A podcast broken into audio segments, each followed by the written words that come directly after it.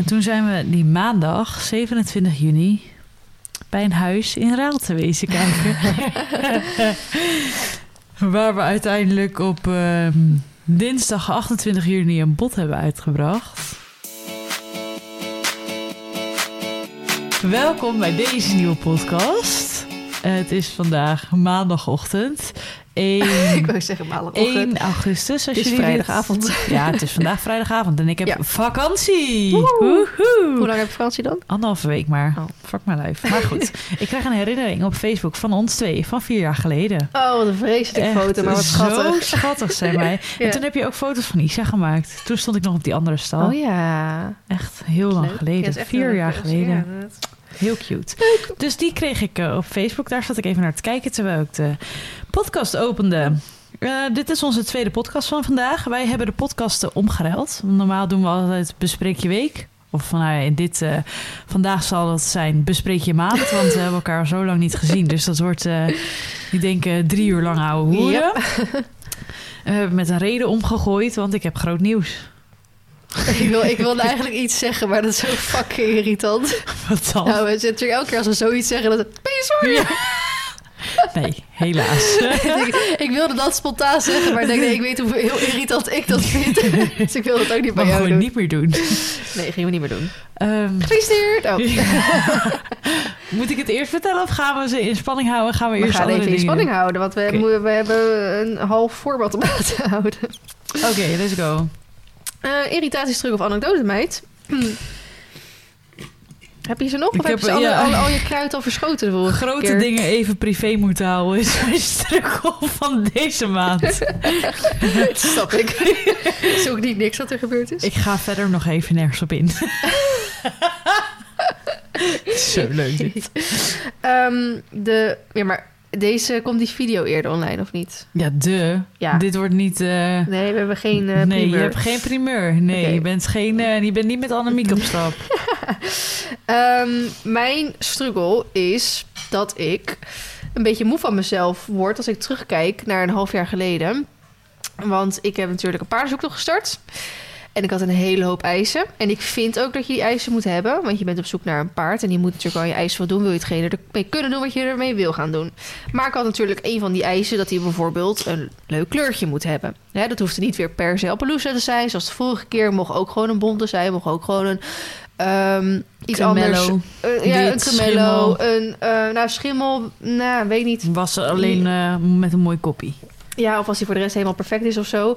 Ehm, wat ik ook wel prima vond, is nou, een palomino en een cremello en een valk vond ik ook heel mooi. En ik ging Ja, wat dat meer is op de... ook heel mooi. Ja, Ook, ik ging nu wat meer op de Palomino Tour. Want ik had er daarvan een paar gezien. Dat ik echt dacht, ah, dit is eigenlijk nu iets wat ik wil. Eh, Ja. Maar wat ik zeg, als het een hele knappe bont was, ook prima. Ja, maar vind dan maar eens.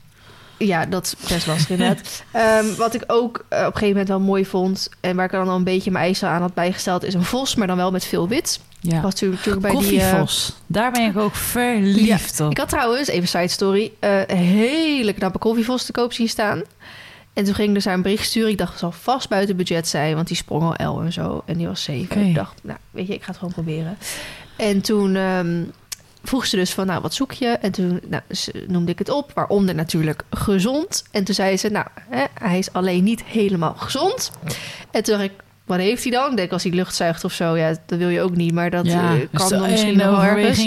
ja. Ehm, en toen zei ze, nou, hij heeft eh, zoveel werf als eh, Kissing Spice. En hij heeft eh, twee chippies. En eh, dat soort dingen. Dat ik al dacht, nou, daar begin ik natuurlijk al niet aan. nee, En toen eh, vroeg ik dus van, maar wat is die vraagprijs dan of zo? En zei ze, 25.000. 18.000 euro. Nee, wat zei je? Geen 18.000 jaar, meid. Voel het bij je voorhoofd. Gaat het Maar lekker? een Nee. die, kijk, tuurlijk, met die, die chippies staat... Die chippies kunnen verwijderd worden. Als ze op een gunstige plek zitten. Ja. Spice hoeft niks te betekenen. Nee, maar het ligt wel aan de training inderdaad. Maar ik vind wel dan toch zo'n paard die dat heeft... en dan toch nog zoveel geld vraagt... Zat er zo'n goed wel- bloedlijn achter dan? Ja, hij was wel heel knap in ieder geval. Er zat vast ook leuk bloed achter. Hij was braaf, hij kon leuk springen. Ja. Je kan dat proberen, hè? Kan dat proberen. Ja, tuurlijk. maar ja. ik dacht echt van nou, had je Poeh. de helft gezegd, had ik het nog steeds niet gedaan. Nee, Om dat risico dan op te nemen.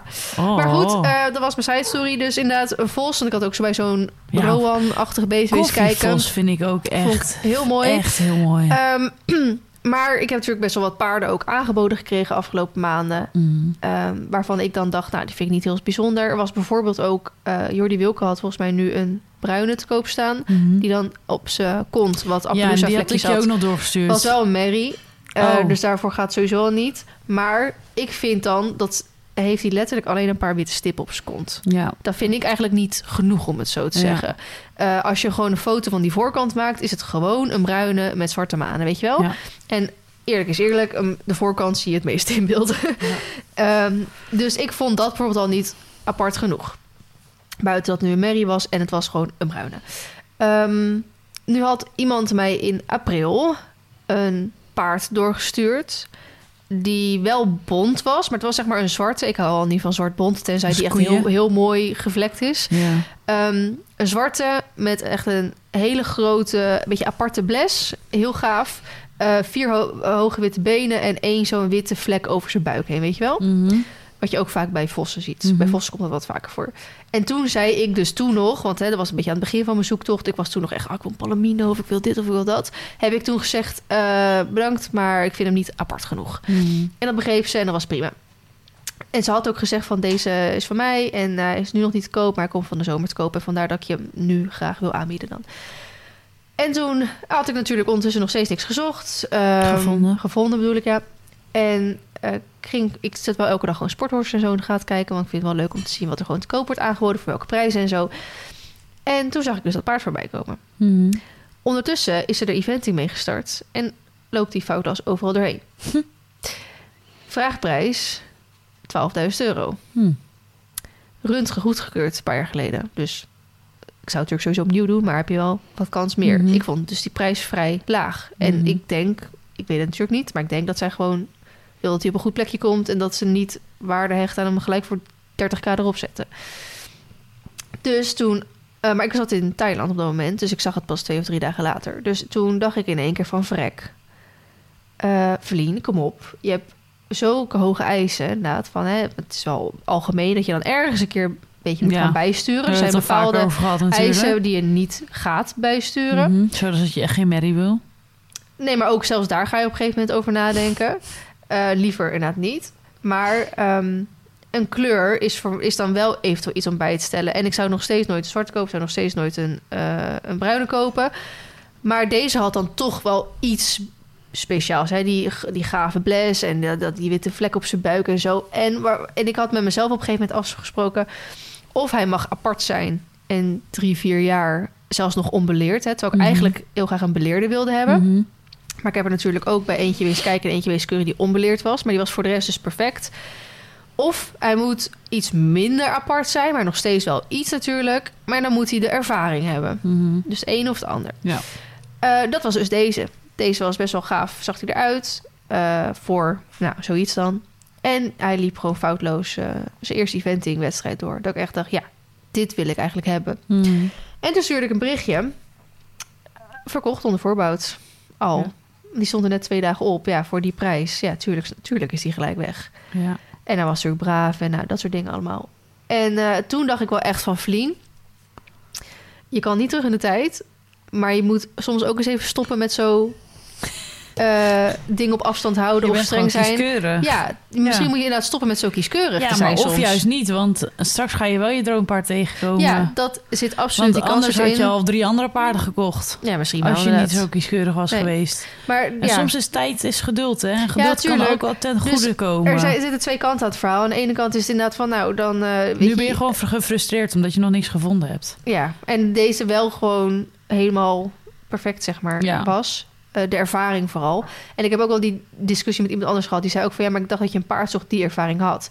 Ik nee, ik zocht een paard die het liefste Ja. ingereden was. Ja. Zodat ik kon voelen als ik erop zit hoe die is. Ja.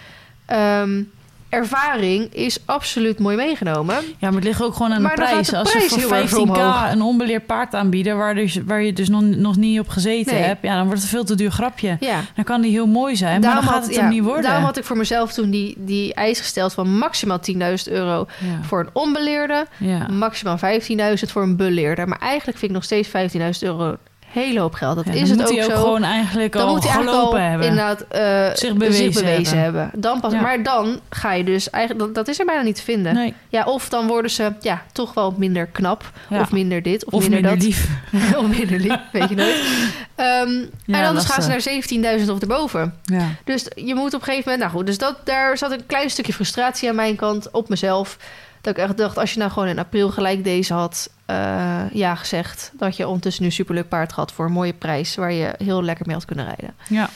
Maar goed, ehm, ondertussen zijn natuurlijk ook weer andere dingen gebeurd. Gaan we het straks over hebben. Dus wie weet heb ik me voor niks gefrustreerd. ja. Dat was mijn irritatie. Poeh. Ga jij gelijk met je grote nieuws komen of gaan we eerst even rustig de maand door? Tja. Oh, nou dan begin ik wel even. Want ik ben dus in Zeeland geweest om die, eh, die vlog op te nemen. Die informatieve vlog voor Ja. de air jackets. Wat een endrij is dat zeg. Ja, ik mag daar overmorgen heen gaan. Maar het was wel heel leuk, want Romy Oudsvorm werkt daar. ja. En ik vond het zo gezellig om haar een keer in het echt Oh, te wat zien. leuk ook dat ze daar dan was. Ja, dus zij was er ook. En nou, het was echt heel erg leuk. Ja, ze is echt, Ehm, echt een hele leuke meid. Echt fantastisch ik vind het echt heel jammer dat zij toen niet bij de Go Social is gekomen... omdat daardoor heel die groep soort van uiteen is gevallen... en zij er nooit meer bij zat. Ja, Vond ik echt heel jammer. ik vind haar echt een hele leuk. leuke meid. Ja, Ja. Eh, die donderdag, 23 juni, heb ik een contractgesprek gehad. En ze hebben mij een vast contract aangeboden. Dus dat is top. Die is Mhm. ondertussen ook al getekend. Belusion nog jarig geweest. En dat weekend zijn wij bij een boerderij wezen kijken. Bij eh Jury in de buurt, een boerderij, heel groot. Nou ja, nee, eigenlijk niet heel groot, maar 2800 vierkante meter. En denken mensen, mijn god, dat is hartstikke veel grond. Maar ja, dat weet je zelf ook. Ja. Jij hebt volgens mij 7200 of zo. Ja, Ja, moet je nagaan. ja. En op deze 2800 stond ook al een woonhuis en twee schuren. Er Ja, was echt precies geen ruimte, zeg maar. Dat. Nee. Dus daar zijn we wezen kijken en daar was ik echt eh, Oh, Nou, dan er niet- veel meer grond bij zat. niet over te spreken. Ja, die kon je erbij kopen. 5000 kon je Oh. erbij kopen. Oh, oké. Maar ja, eh, moet je wel geld hebben. Ja. Het was al vet boven budget en alles moest eraan veranderd worden. Mhm. En toen zijn we die maandag, 27 juni, bij een huis in Raalte wezen kijken. Waar we uiteindelijk op ehm, dinsdag 28 juni een bod hebben uitgebracht. Waarna ik op woensdag 29 juni een berichtje van de makelaar kreeg dat we een eindbod moesten doen. Want eh, eh, biedingen lagen heel dicht bij elkaar. Dus we wilden, de verkopende partij wilde graag een eindbod hebben van alle gebruikers. Of eh, van alle. Eh, oh, wat een spelshow zeg. ja, echt helemaal Zenuwslopend. zo erg. Waarna we opnieuw een bod hebben gedaan. Eh, of heb je toen daarboven zeg maar nog extra... 2000 euro. Oh, oké. Valt mee. Ja. En donderdag 30 juni. Hoe snel ging dit ook achter elkaar? Echt bizar, hè? Maandag wees kijken. Ja. Donderdagavond 30 juni om half acht... voordat ik hier weg wilde gaan om naar Snelle te gaan. Want die draaide hier in de Mhm. paleistuin. Maar het was echt kut weer. Het Ja. regende echt met bakken kwam het uit de hemel. Het was niet normaal, Mhm. maar ik wilde per se gaan. Mhm. Werd ik gebeld door de makelaar. Nou, en je raadt het al. Wij hebben een huis gekocht.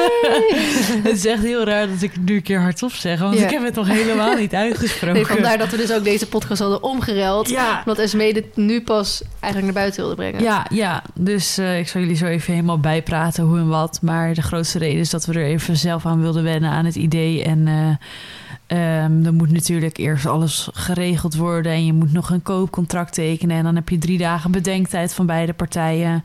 Ehm, dus dat wilden we eventjes rustig door voordat we meteen aan een grote klok gingen Mhm. hangen. Daarbij wil ik het het liefste zo leuk mogelijk op mijn YouTube bekendmaken. Dus dat wil ik, die video wil ik van het weekend opnemen. Waarom het dus ook niet mogelijk is om deze podcast aanstaande maandag al online te zetten. Want ik wil nog iets speling hebben dat het eerst op mijn eigen socials komt voordat het hier eh, Ja, een eh, preview is. Ehm, dus dat, eh, dat is eigenlijk gebeurd. Ik zit even te kijken. Dat weekend ben ik toen, toen dus heel ziek geweest. En toen hebben we die maandag 11 juli zijn we wezen tekenen. Het is nu de 22e volgens mij. Ehm, dus sinds eh, vrijdag 15 juli, zeg maar, eventjes zo gezegd. maar zijn vertel even over het huis. Wat, eh, wat, wat, hoe, hoezo gingen jullie er kijken? Wat voor gevoel had je erbij? Wat zijn de plannen? Waar moeten we aan Ehm, denken?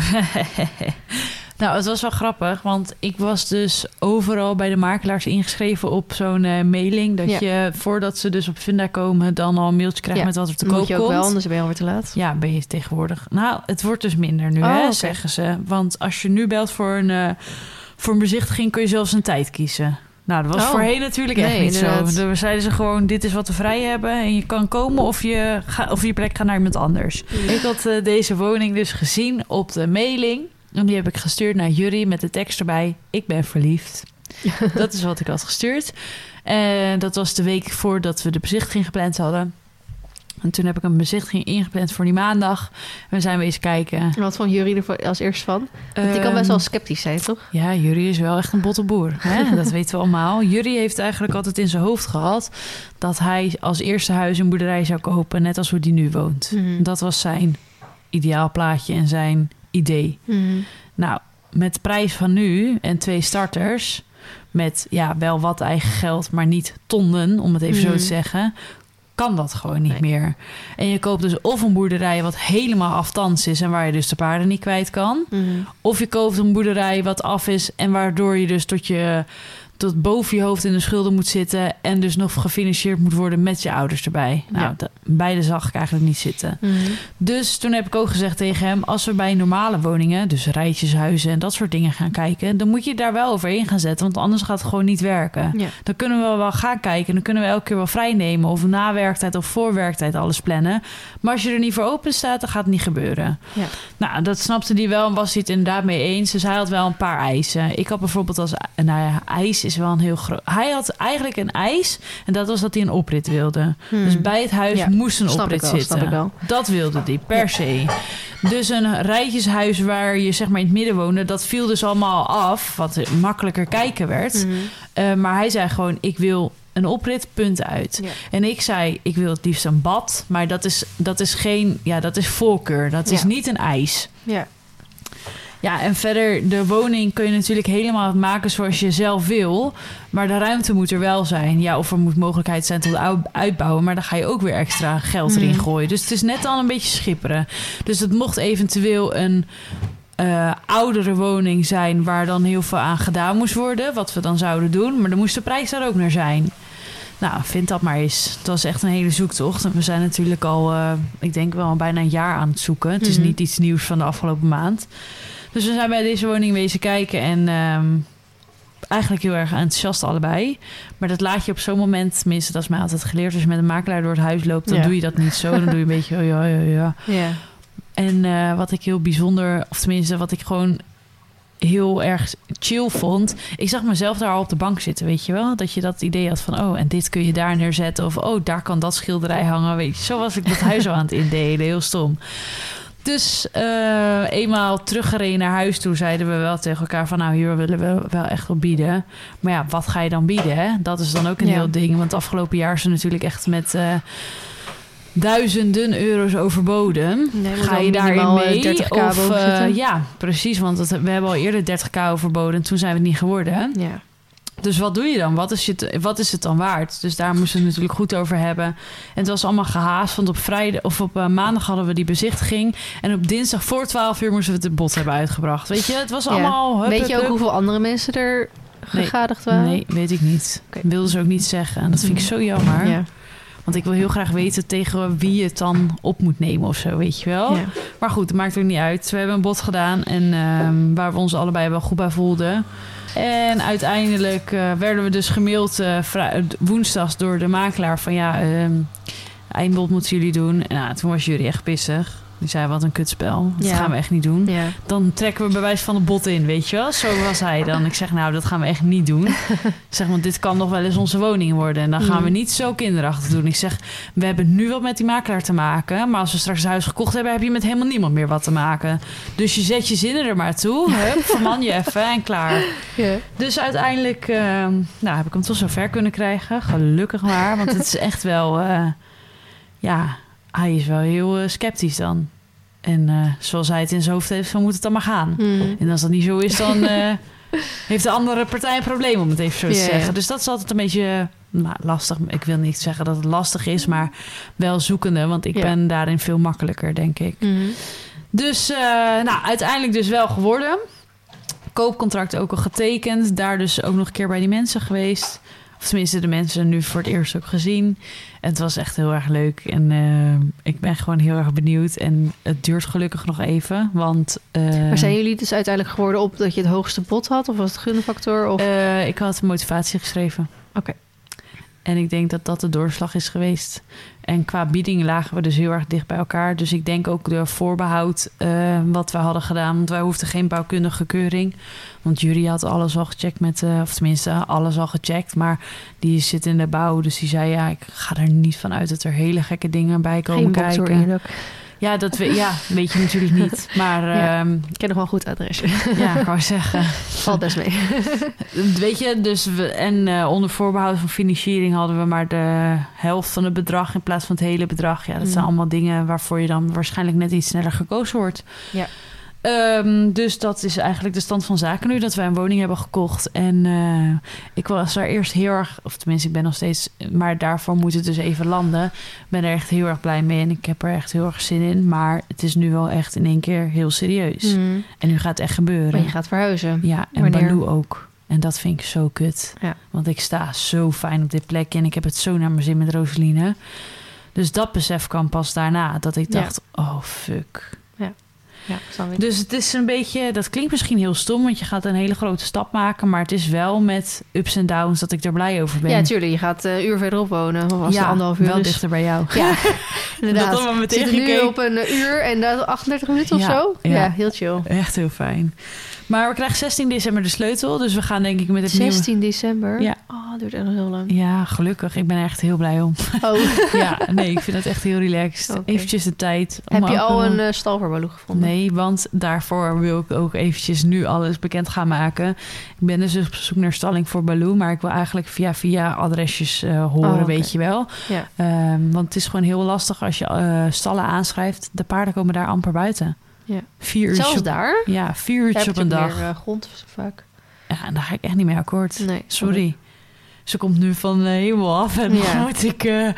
dan ga ik er niet vier uur eh, buiten Maar zetten. die moeten er vast wel zijn, toch? Ja, dat moet het er ook wel zijn. Maar dus ik ben heel benieuwd als mensen tips of tricks hebben. Let me know. Bij Raalte dus. Raalte, ja. En ik wil ook niet weer een half uur gaan rijden. Dat vertik ik echt. Dus het moet echt in een straal van zeg maar 10 kilometer in de buurt zijn. Ja.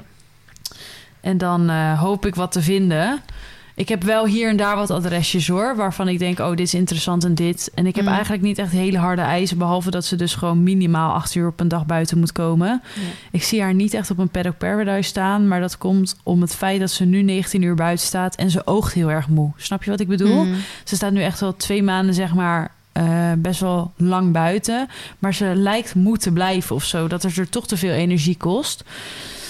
Ehm, dus ik heb haar liever gewoon s'nachts dan op stal. En ik wil fijne rijmogelijkheden hebben. En ik hoef Ja. niet per se een binnenbak te hebben. Het is allemaal mooi meegenomen natuurlijk. Maar het belangrijkste, ik heb echt één prio. En dat is dat zij buiten komt. Ja. En ja, En een goede buitenbak gewoon. eigenlijk een goede bak. En als ik dan nog een ijs mag hebben, dat ik of al insta eh, of ehm, ja, dat je iets met de stalgenootje kan afspreken. Maar de, eigenlijk is dat al niet mogelijk voor mij, omdat ik in Utrecht blijf werken. Mm. En voor nu ga ik kijken dat ik op woensdagochtend naar Utrecht kan rijden naar mijn werk. En dan blijf ik van woensdag op donderdag hier in Soes slapen. Oh. En dan ja. werk ik op woensdag en donderdag op kantoor. Maar dat betekent dat dus wel dat ik pas donderdagavond weer in Raalte ben. Ja, dus woensdag en, en donderdag ben je er al niet. Nee. En als ik dan voor mijn paard moet zorgen omdat hij anders tot zijn knieën in de mest staat, ja, dat kan gewoon niet. Nee. Dat, dat, Nee, of dan moet je weer een verzorgster hebben die dan toevallig ja, en ik weet ook niet of dat ik dan weer een verzorgster ga nemen. Daar ben ik allemaal nog niet over uit, want het is allemaal nieuw en ik weet nog niet of dat ik me daartoe kan zetten. Ja. Nou, ik denk dat het belangrijk is dat je zelf eerst daar met je paard gaat aarden en dan pas gaat nadenken. ja, inderdaad, Wil ik er nu een verzorgster bij? ja Maar precies. kijken, want het is inderdaad wel van een verhaal te... ehm, nog, nou, zich misschien best wel dicht bij het bos daar zo. Ja, ja.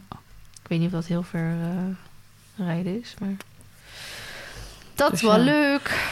Dus eh, dat is een grote verandering in mijn leven. Ja. Bizar, hè? ja. Ja. Maar wel eindelijk, hè? Ja. Maar dat, dat gevoel heb ik nog niet, snap je? Nee. Ik zit nog niet op de roze wolk. Nee, nee snap ik. Dat komt pas als ik denk ik rust heb voor Baloo en zo. Als ik dat ook allemaal geregeld heb en een Ja. beetje spulletjes voor huis heb Ja. uitgezocht. Ik denk dat ik dan echt zin krijg in het verhuizen. Ja, En dan denken mensen nu vast, ja, waarvoor heb je het dan gedaan? Ja, natuurlijk, di- dit willen wij al heel lang. Het is ook echt wel een droom. Alleen als het nu dan zo serieus wordt, dan wordt het in één keer heel spannend. Ja, snap ik. Snap ik heel goed. Dus dat. Yes. Heb je Ja. nog meer ehm, Juice. dingen die je wil delen? Even kijken. Ik ga eventjes mijn... eh, ja, ik heb nog wel wat. Oh. Ehm, daar heb ik nog wel een leuk verhaal over. Want jij vroeg, heb je een stal voor Baloo? Hmm.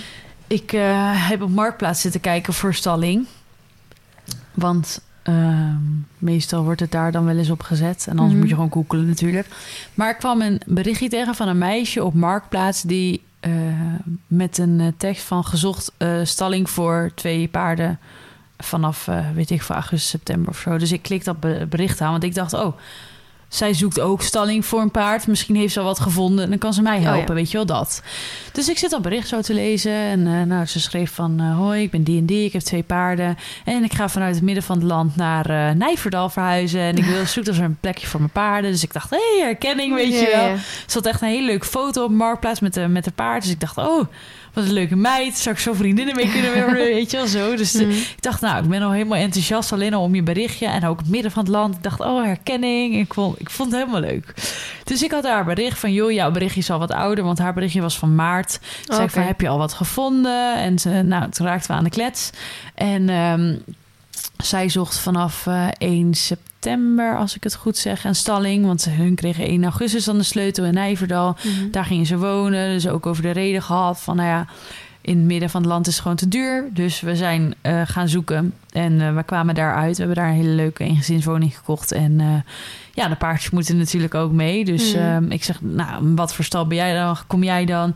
En toen vertelde ze dus dat ze bij een particulier komt staan. Maar Oh, wat dus eigenlijk geen stal is. Maar zij hebben de koeien weggedaan. Dus nu hadden ze weer plek voor paarden of zo. Eh, maar ze heeft daar dus ook verder niks en ze moet ook alles zelf doen. Dus ik Oh, zei van, nou, dan valt het wel denk ik af. Ja. Maar eh, wellicht eh, kunnen we in ieder geval een keer buiten rijden. Dus daar was ze ook heel enthousiast over.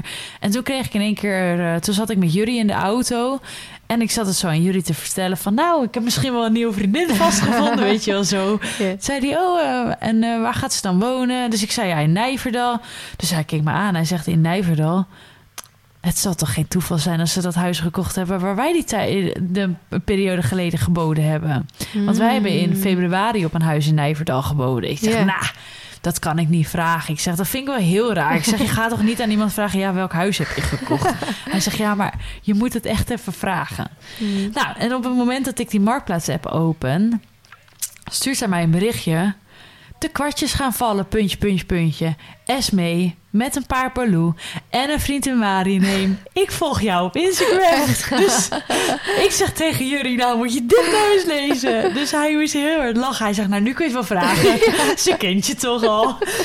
Dus ik zeg, nou heel leuk dat je mij in ieder geval kent. Ik ga jou ook direct volgen, want dan kunnen we een beetje in, eh, in gesprek blijven. Ik zeg, maar misschien een hele brutale vraag. Welke woning hebben jullie gekocht?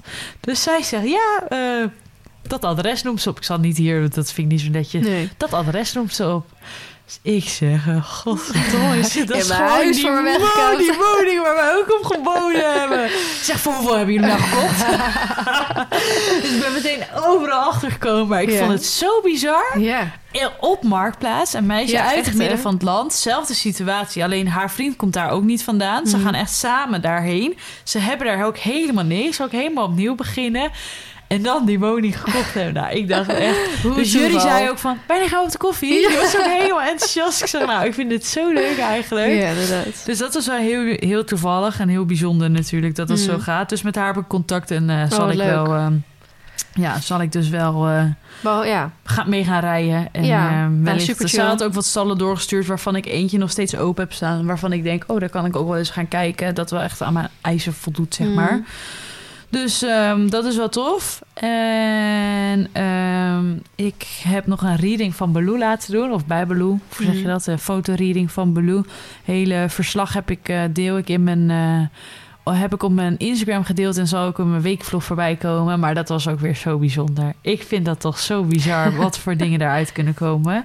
Dus dat vond ik even leuk om geno- genoemd te hebben. Ik ga ook zo'n eh, een, een halve soort van doen bij Mar. Maar dat, dat was meer... Ik ja, ik hoef het op zich maar, zeg maar niet te doen. Mhm. Maar ik had het meer eh, een tijdje terug bedacht. Omdat ik natuurlijk, kom ik een beetje daarop terug, per se een ruin wil hebben. Mhm. Omdat ik denk dat Marley dat leuker gaat vinden. Ja. En dat beter voor de kudde is. Maar dat bepaal ik dus voor hem. En ik Ja, precies de enige... heeft hij daar een hele andere Misschien heeft hij daar een hele andere mening. En wil hij gewoon geen ruin. En wil hij alleen maar nog een merrie hebben. Ja. En dat zou voor mij de keuze veel makkelijker maken. Buiten dat ik zelf eigenlijk geen merrie-persoon ben. Maar goed, er zijn Ja. ook, net als Baloo. Baloo merkt helemaal niet aan dat een merrie is. Nee, dat, Dus- is een- dat is echt een ruin. Daarom, Die dus zegt een die er ook lijf, tussen. zeg maar. eh, ja, dat klinkt... Nou, dat, mocht niet mee, dat bedoel ik niet Ja, ja. verkeerd, maar je begrijpt wat ik bedoel. Ja, dus, Voordat ik daar uh, Ja. op krijg. dus ehm, daarom ook zoiets van... Nou, misschien geeft Marley wel aan dat hij dat dan wil. En dat maakt voor mij in ieder geval de keuze een heel stuk makkelijker. Om dan voor Mary te kiezen. Dus die Mhm. afspraak heb ik staan. Maar die vrouw zat echt helemaal vol. Dus ik kreeg echt pas 28 juli of zo. Volgende week pas krijg ik er antwoord op. Maar ja, ik ga er woensdag eentje keuren. Dus misschien krijg ik dat antwoord en is dat te laat soort van. Ehm, maar goed, ik, ik mocht iets van zeven vragen of zo insturen. En ehm, ik heb dan als eerste eigenlijk gedaan... ja, wat wil je, Mary of ruin? En als tweede had ik eigenlijk zoiets... ik heb eigenlijk geen andere vragen. Maar als ik nu toch zeven vragen over heb staan... heb ik maar als vraag twee van... ja, wat vindt hij het leukste om te doen, weet je wel? Ja. We zitten nu wel een soort van die dressuur te pushen. Mhm. Maar haalt hij daar zelf nog wel een soort plezier uit? Of vindt hij dat echt afschuwelijk... en wil hij er zo snel mogelijk mee stoppen? Ja, want dan Ja, laat maar die zetbinsput. Dus dat zijn mijn enige twee vragen die ik heb ingestuurd. meer niet. Nee, ik weet, ik heb eigenlijk niks wat ik voor de rest aan hem wil Oh. vragen. Dus en ik weet ook misschien sommige dingen heb ik zoiets van wil ik, ik weet niet of ik het wil weten, Mm. weet je wel, zoiets. Dus Snap eh, dat zijn eigenlijk mijn enige twee vragen, maar ja, daar heb ik dus nog geen antwoord op. En ik heb dat eh, tegen een paar sommige mensen verteld dat ik dat ga doen en de, andere, de ene zegt oh snap ik, de ander zegt ja, dat is zweverig of zo, weet je wel. Ja. Maar denk ja, maar er Meningen is, zijn toch verdeeld. er is niemand die mij het antwoord hierop kan geven. Nee. En de enige die er soort van misschien het meest dichtbij komt zijn die, Ja. dat soort mensen. Ja, eens. Dus eh, we gaan het zien. Kijk, en je moet ermee doen wat je wil doen. Maar ik vond bijvoorbeeld, wat, wat ik wel weer heel bijzonder vond, is dat er in mijn verslag stond. eh, waar is jury? Want eh, ik, ik heb hem heel weinig gezien de laatste tijd. En ze voelde heel veel liefde voor jury, maar ook heel veel gemis. En het was dus echt bizar. Jury is alleen nog mee geweest met de verhuizing. Hmm. En dat is dus echt al twee maanden terug. Dus jury is al twee maanden niet op stal geweest. Ik zei, hoe weet zij dit? Weet je wel? Dat is toch Zij bizar? is een van die mensen waar je zei dat de jury niet meer in je vlogs is gekomen. Dus of jullie nog wel een relatie.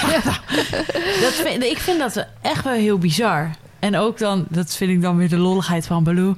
Ze had het dan over dat ze iets had gedaan... waardoor ik eh, uitgebalanceerd uit het zadel was gekomen... en rechts aan de rechterkant van het zadel... en aan de rechterkant van haar hals was gekomen. Ze zegt daarvoor sorry. Dat denk ik echt. Zegt daarvoor Maar ze kon zich niet beheersen. stond erover. Ik dacht, oh, vuile flikker.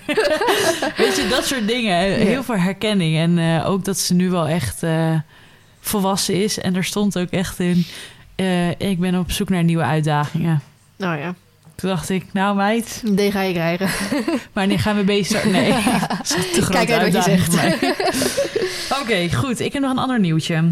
Oké, spannend. Ehm, ik ga een show rijden op Horsevent. Oh, leuk. Nou ja, clinic. Ja, met wat, wie, waar, hoe. Bij Alizé.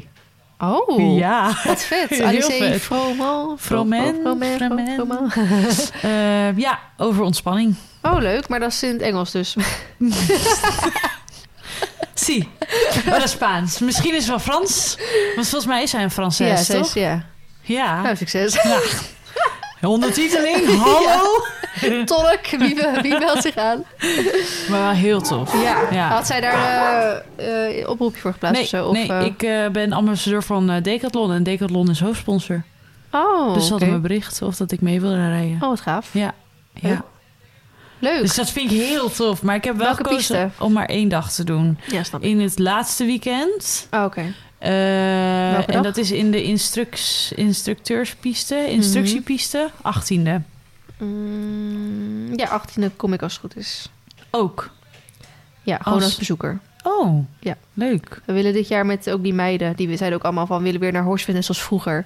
Dus ik zei ja, ik kan het nu, want ik heb alleen het eerste weekend Oh, moet ik wat tof. iets doen. En Ja, tweede ik ben het eerste of het tweede weekend ook eh, die, die zaterdag werken en die zondag ben ik dan semi-vrij. Nou ja, wij hadden op zaterdag heb ik eh wedstrijd, koudbloedenwedstrijd, dus die wilde ik heel Ja, graag doen. moet je doen. Ehm, en volgens mij konden de meeste konden op zondag. Ja. Dus volgens mij hadden we een soort van een half Oh, we zondag gingen.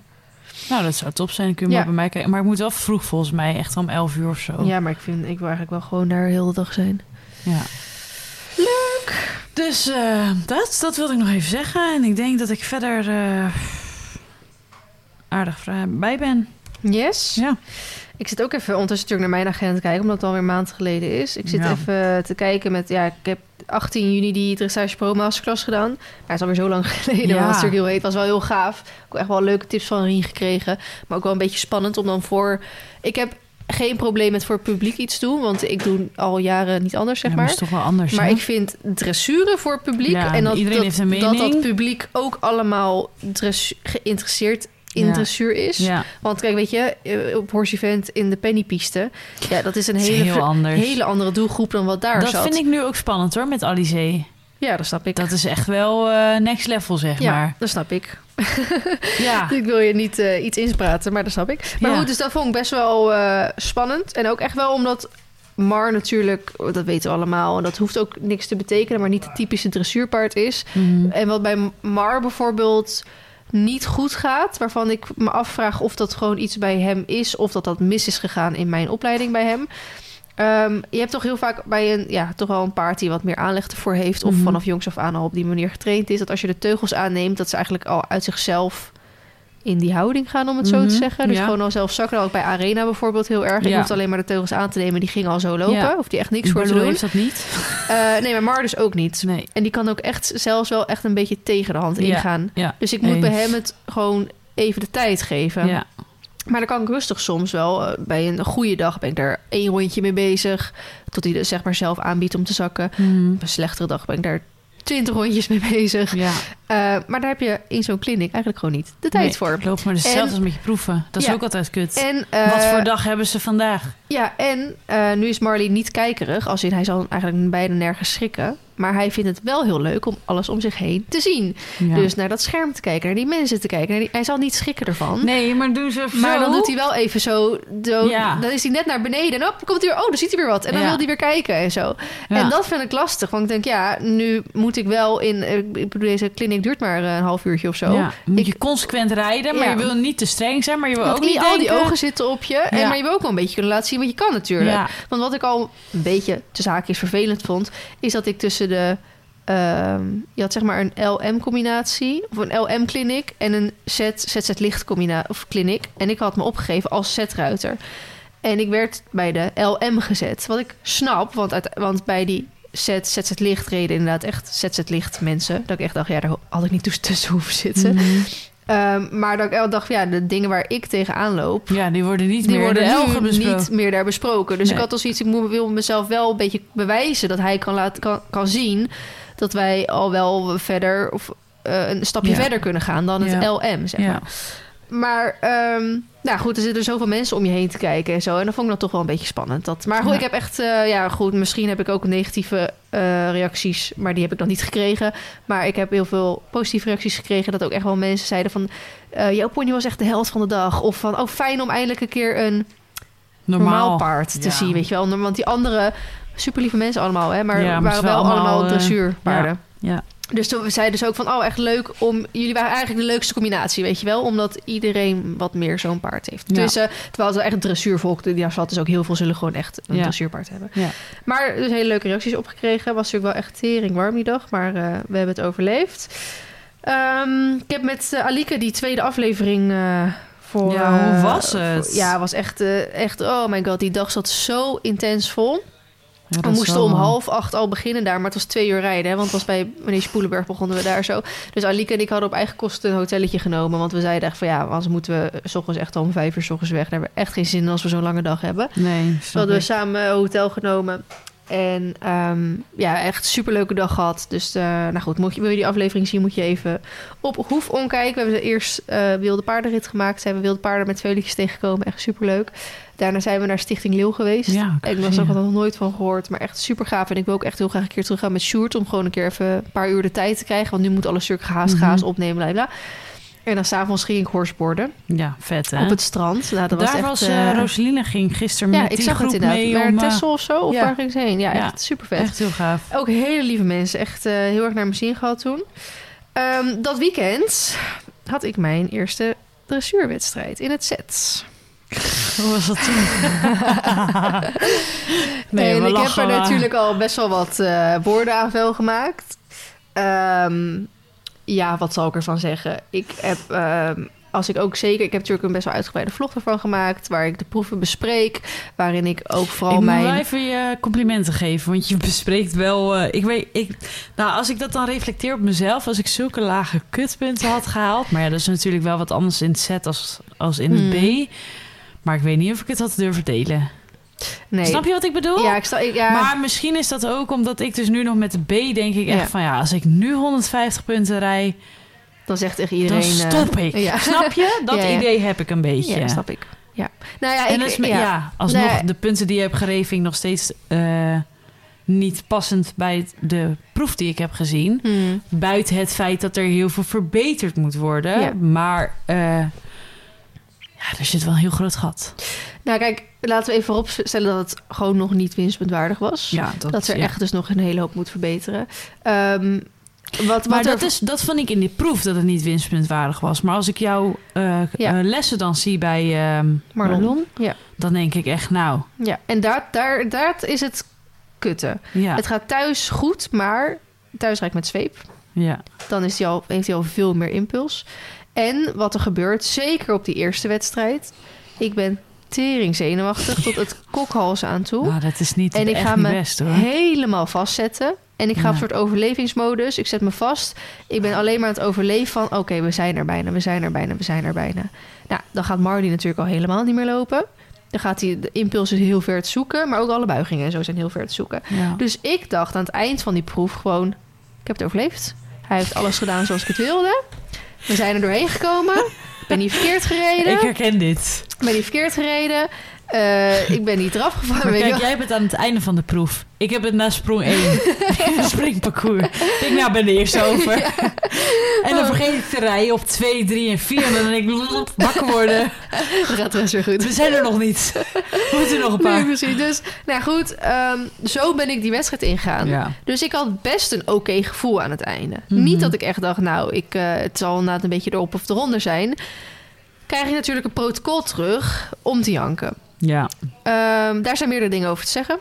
Eh, ik ging al mijn wedstrijd in met de commentaren om mij heen. Het allereerste wat er gebeurde toen ik dat wedstrijdterrein opliep... is dat ik twee pensioensgasten hoorde overleggen over de desbetreffende jury. ja, dat, Dat- is echt Dat, kloten. dat, die, eh, dat het gewoon geen zin heeft. Dat je maar beter naar huis kan gaan. Dat niemand winst had gereden in de categorie voor mij. Nou, dan snap je dat het al niet heel leuk is om überhaupt aan je proef te gaan beginnen. Toen hoorde ik ook nog van iemand anders die mij een beetje moed in probeerde te praten. En die zei ook van, oh, je moet gewoon je dit en dit doen. Ik zei, ja, maar ik heb al gehoord dat die jury gewoon... Het zei ze, oh, ik wil dit eigenlijk niet aan je vertellen. Ja. Maar ik heb deze jury al twee keer gehad. Het heeft geen zin bij hem. Je moet gewoon voor je eigen trainingsrondje gaan. Ja. Dat zijn alle, ehm, alle dingen die ik al, zeg maar, alle informatie die ik al opgenomen heb voordat ik mijn proef inging. Nou, dat, dan sta je dus alweer 10, min Ja, 10 achter. eh, en dan jou. kun je dat niet even van, van je afzetten. Nee, en dan ben je al zo zenuwachtig. Ja. Je bent al bang. Nou, ik had natuurlijk voor mezelf die hoge. eh, ja, puntje in het set en hup. ja, ja, voordat ik naar Thailand ging. Dus ik, ik had echt zoiets van: het moet gaan gebeuren en zo. Dus het ging natuurlijk al helemaal eigenlijk niet goed. Ehm, Nou, gewoon met de verkeerde instelling al erin. Ja, nee, precies. in. En natuurlijk, op dat moment krijg ik die punten. Nou, je, ik- wat ook in die vlog zei, je kan er eigenlijk alleen maar om lachen. Ja. Ehm, volgens mij had... Nee, één iemand had wel winst gereden in, die heb ik niet gezien. Maar de rest had ook allemaal geen winst. Ehm, en wat ik zeg, het verhaal ging over op die stal al over... dat het geen zin had om bij die jury eigenlijk te komen. Dus het is niet alsof ik dat vond.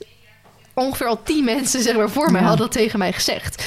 Dus wat ik gewoon heel erg een beetje lacherig deed over mijn punten, over, over het commentaar. Nou, commentaar over de punten wil ik zeggen, want er stond geen commentaar Ja, op mij dat in is dus ook protocol. een ding? Dat is hetgene waar ik ook een beetje irritant van kreeg. ik een drie of een vier ergens voor. En er stond er niet bij waarvoor het was. Er stond Mhm. letterlijk op heel mijn protocol misschien twee woorden of zinnen. Mhm. Een paar dingetjes onderstreept. Eh that's it. Mhm. En daar, dat, dat vind ik gewoon niet leuk. Want dan weet ik ook niet zo goed waar ik op moet verbeteren.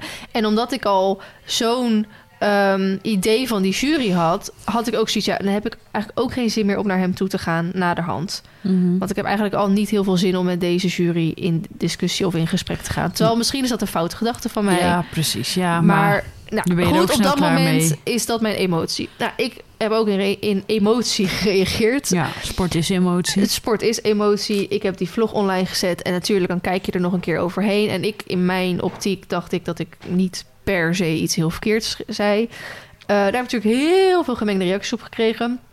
Een aantal me- eh, mensen die het gewoon zeiden van... joh, eh, vervelend, volgende keer beter. Natuurlijk mensen zeiden van... nou, ik vond het er best oké uitzien... eh, maar inderdaad nog niet winstpuntwaardig. Succes met trainen. Andere mensen die me volledig afvuurden van... dit was echt heel erg fucking slecht... en wat denk je nou dat je daar doet? En Ja, die jury heeft gewoon gelijk gehad en ik had ook deze punten aan je gegeven. Ook gekregen. Het, het ligt voor mij echt aan hoe, de, hoe je het zegt. Hè? Want iemand die zegt, joh, vriend was nog niet goed genoeg, succes met trainen, is exact dezelfde reactie als iemand zegt, deze jury heeft gewoon eh, de goede punten gegeven, want het komt op hetzelfde neer. Zo bedoel ik Mhm. het meer. Ehm, andere mensen die zeiden van, nou, ik ben ook jurylid en eh, nou, ik had misschien op deze punten iets hoger punten en op deze had je van mij dezelfde gekregen. Maar wat ik als jury had gedaan, is heel je protocol volgeschreven. Of als ik zulke soort lage punten aan een combinatie moet geven, Ja. was ik even uitgestapt. Was ik even mijn hokje uitgekomen, had ik de combinatie naar me toe gehaald. En had ik even gezegd, joh, het gaat niet zo goed. Ja. Ehm, misschien ben je nog niet klaar voor deze klasse. Of misschien moet je even hierop trainen. Dat je het weet, weet je wel. Want dan is ook die shock minder groot als je Mhm. daarna dat protocol Mhm. krijgt. Heel veel gemengde reacties. Ook echt wel wat boze reacties over me heen gekregen. Ook wel van bepaalde andere partijen. Eh, dus eh, natuurlijk, weet je, ik had die vlog offline kunnen halen. Omdat ik dacht, eh la maar, weet je wel. Maar ja, ik heb gekund, gewoon... maar het siertje dat je hem dan wel laat staan. Dus Vind eh, ik. ik heb ervan geleerd. Eh, ik heb er als eerste van geleerd dat ik een stuk kritischer naar mezelf mag kijken. Maar dan is het inderdaad een beetje het verschil van... in de training gaat het gewoon heel anders dan op wedstrijd. Dat Mm. weet die jury natuurlijk niet. Eh, natuurlijk ook een stukje kritisch naar mezelf kijken van... Misschien moet je je iets minder Uitspreken. uit, of zo, uitspreken dan ja. toch maar weer. Want je ziet dan weer als je je ergens over uitspreekt... Ja. dan krijg je dus weer gezeik. ja. Niet alleen over de jury, maar ook over andere dingen die ik gezegd heb... die eh, niet helemaal goed waren gevallen. En terwijl ik dan me van geen kwaad bewust ben, ja, precies. Dat is het ook vaak. Hè? Er, zit, er zit geen kwaad in als je zoiets zegt. Nee, maar goed. ehm, dus toen ben ik een week later weer op wedstrijd geweest. En toen kon ik... Ja, was ik nog steeds wel zenuwachtig, maar dat, dat randje was er vanaf. Toen eh, ben ik iets anders gaan rijden. En toen heb ik ook echt wel wat hogere punten gegeven. Was natuurlijk nog steeds niet goed genoeg. Want er moet gewoon een aantal basisvoorwaarden moeten gewoon beter. Maar daar stond wel heel mijn protocol vol met wat er gewoon beter moest. Nou, vooral gewoon de impuls. En eh, nou, een stukje stelling en buiging moet vooral ook beter. En natuurlijk met die eh, enkelvoudige wissels mogen gewoon echt geen drafpas tussen zitten en Hm. zo. Alleen dan heb ik zoiets van, oké, eh, nou dat impuls stond echt van de 30 ongeveer op 20 punten of zo, Mhm. weet je wel. Dan van als ik die impuls gewoon beter voor elkaar heb, dus daar gaan we heel erg op oefenen. Dus zonder zweep trainen, eh, Ja. nou een stukje ook eh, mijn lichaam leren loslaten, dat ik niet mezelf zo ga vastzetten en zo. Kilometers maken is dat eigenlijk vooral. Dan als ik dan bijna overal een puntje hoger ophaal, dan Ja, is die winstpunt echt easy binnen. Dus dat zijn wel dingen die ik met mezelf nu een beetje gere- gereflecteerd heb. Ja. En daarom ook heb besloten om in, nou, nu even niet te starten. In augustus lekker te trainen. In september zijn er twee koudbloedwedstrijden.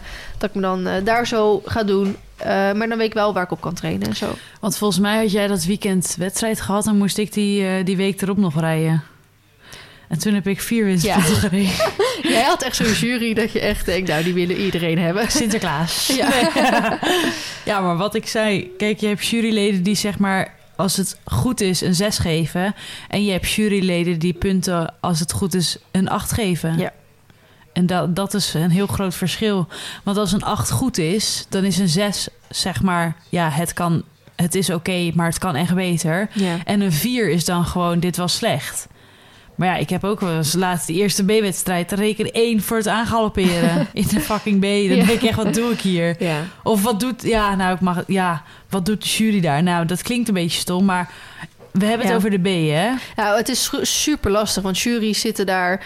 eh, nou, bijna vrijwillig natuurlijk. Ze krijgen natuurlijk niet heel veel geld ervoor of zo. Nee, dus ik Eh, denk dan wel, ze moeten ze echt leuk vinden Ze moeten te op een bepaalde passie, passie voor die sport, op een bepaalde manier passie voor die sport hebben. Ja. En het lijkt mij dat inderdaad niemand daar gaat zitten om iedereen lekker af te kraken. Maar dan hebben ze Nee, een ander beeld van hoe iets er misschien uit moet zien. Ja. Of die zijn daar strenger in of wat dan ook. En dat Ja. is natuurlijk de dresseurs en jurysport. Dat zal je ten alle tijden gewoon houden. Ga je ook nooit veranderen. nee, ja, klopt, Ehm, eens. maar dat maakt het soms wel lastig en demotiverend Ja, natuurlijk. nou dat vooral, ja. ja. Want wat ik zeg, als ik, op de, als ik de eerste drie wedstrijden 150 punten had gereden... had ik nu echt niet meer op wedstrijd gegaan. Nee. Zeg ik je heel eerlijk. ja.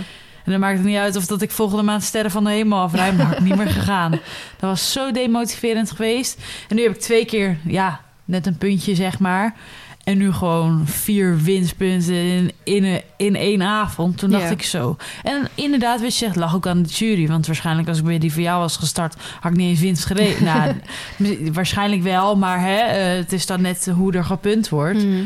Maar geen dikke, dik, twee dikke winstpunten per proef. Nee. Het verschilt echt per jury. ja, precies. En ik wil meestal ook niet een jury ergens de schuld van geven of zo. Nee, je moet altijd eerst reflecteren op jezelf. Maar het is en blijft... Sport is emotie. En als je net van je paard afkomt... en je hebt voor je gevoel oké gereden... en je hebt gewoon een kutprotocol... waar Ja. niks op staat... Ja. dan ben je gefrustreerd. ja, ja, dat is. Ja, en wat moeten we dan als influencers, zeg maar even... Ja. om het even zo te zeggen... moeten we dan alles maar skippen... en zeggen, nou jongens, heel vervelend... ik heb maar 150 gereden... maar het doet me helemaal niks. Ja, nee, of moeten we dan een bakkelende krijgen over ons heen... Ja, en de goede dingen eruit filteren en weer doorgaan. ja. Ja, dus dat is geen tussenweg. Nee, want dat is dus het lastige eraan. want, want- iedereen gooit zijn mening even zo over de schutting. Ja. Want hè, het kan er toch geen ene zak schelen. Lekker anoniem, achter het schermpje. Heeft Ja. nog nooit zet gestart. Weet wel waar hij over praat. Hartstikke makkelijk. Ja, maar dat vind ik dus het kut waar we het natuurlijk al eens vaker over hebben. Kijk, het maakt, er is, er is zo'n groot verschil in hoe je, hè, een stukje communicatie, hoe je iets zegt. Wat ik zeg, als iemand tegen mij zegt van... eh Vlien, eh, ik, we zien gewoon aan je dat je anders rijdt in deze wedstrijd... als dat je in je training rijdt. Want ik heb fucking veel trainingen de laatste tijd gefilmd. Ja, Eh, dat betekent kilometers maken. Dat betekent dat er nog veel winst te halen valt. Eh, deze proef was niet winstwaardig. Maar als je gewoon doortraint zoals de manier door je doet... en wat vaker op wedstrijd gaat om het ritme te komen... ja. moet het goed komen. Punt. Ja Dat daar is- heb je... Dat is, ja. Dat, daar heb je wat aan. Ja. Of het nou gewoon een stukje steun is, een stukje begrip. Ja. Maar het komt op precies hetzelfde neer. Het was nog niet goed genoeg. ja. Maar de Ehm, toon is maar de heel toon anders. is heel anders. Als iemand Ja. zegt van... eh, nou ja, goed, daar hebben we het al benoemd. Dus dat, eh, nou goed, daar zat ik toen even mee. En eh, dat is allemaal weer prima. Nou, een week later weer gegaan en toen ging het allemaal iets beter. Ik ging op 9 juli vertrekken naar Thailand. Daar hebben we het ook nog helemaal niet over gehad. Nee. Niet dat het extreem boeiend is, omdat ehm, het niks met, paarden of zo, niks met paarden of zo. Hallo, hoe stil jij? Te maken had of zo. Maar het was wel echt. ehm, ja, hoe ga ik het zeggen? Heel veel mensen vragen natuurlijk hoe was het en bladibla. Je hebt Denk- gewoon moeten werken. Ik kwam, we vlogen zaterdagavond om 9 uur. We kwamen dan op zondag met tijdverschil en zo. eh, lokale tijd in Thailand, Bangkok, om eh, weet ik veel, half twee aan of zo. Om half vier zaten we een keer in dat hotel. Nou, dan ga je je spullen dumpen, ga je avondeten. Ga je s'avonds een drankje doen met z'n allen. Ga je naar bed toe. Volgende ochtend, hup, om acht uur moet je opstaan omdat je naar die venue toe moet. Je komt er pas zaterdagavond uit. Dus je bent gewoon zes dagen lang, twaalf uur lang in die venue. Je gaat erheen terwijl het half donker is en je komt terug terwijl het helemaal donker is. Gewoon alsof je in de winter naar school gaat, zeg maar. Eh, fucking... Nou, ik zal niet zeggen dat het hard werken als in het is niet fysiek hard werken of zo.